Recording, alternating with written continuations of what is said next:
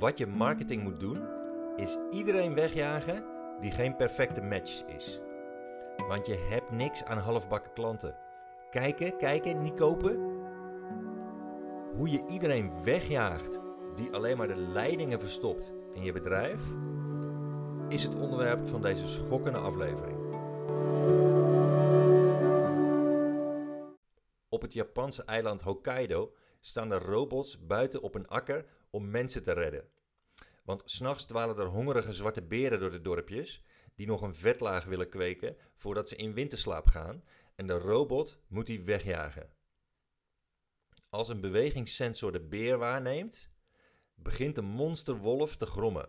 Want het is een robot met een grijze vacht, een wolvenkop, blikkerende tanden en rode knipperlichten in zijn ogen. Stoere zwarte beren slaan op de vlucht door die robotwolven. Ook rondom je bedrijf zou je grommende, verscheurende wolven moeten laten rondlopen. Die mensen de stuipen op het lijf jagen die niet thuis horen bij jou. En die iedereen gillend de straten uitjagen die in jouw bedrijf toch alleen maar de leidingen verstoppen. Laat de wolven los op klanten die alleen maar rondsnuffelen, gratis dingen downloaden en nooit investeren.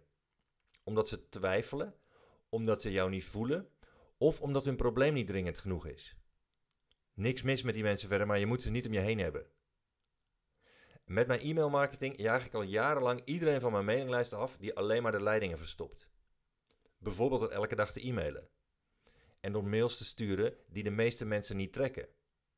Behalve mijn allerbeste klanten. Op Facebook reageerde bijvoorbeeld deze week iemand op een van mijn advertenties over e-mailmarketing. En die zei: Nou, ik ken anders toch verschillende mensen die zich hebben uitgeschreven omdat je te vaak mailt. Waarmee ze precies bevestigt wat ik bedoel. Zij kent mensen die zijn afgehaakt.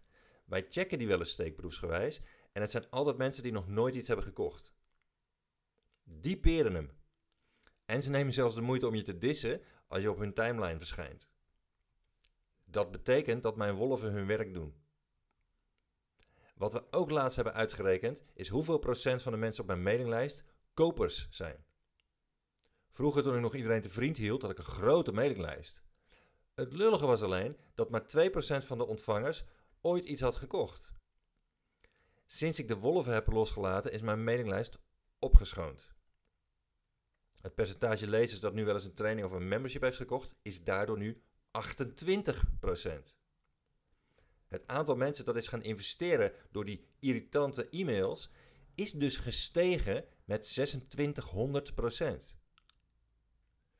Wil jij ook een mailinglijst die squeaky clean is en waar alleen nog maar je idealen op klant, klanten op staan die alles kopen wat je aanbiedt?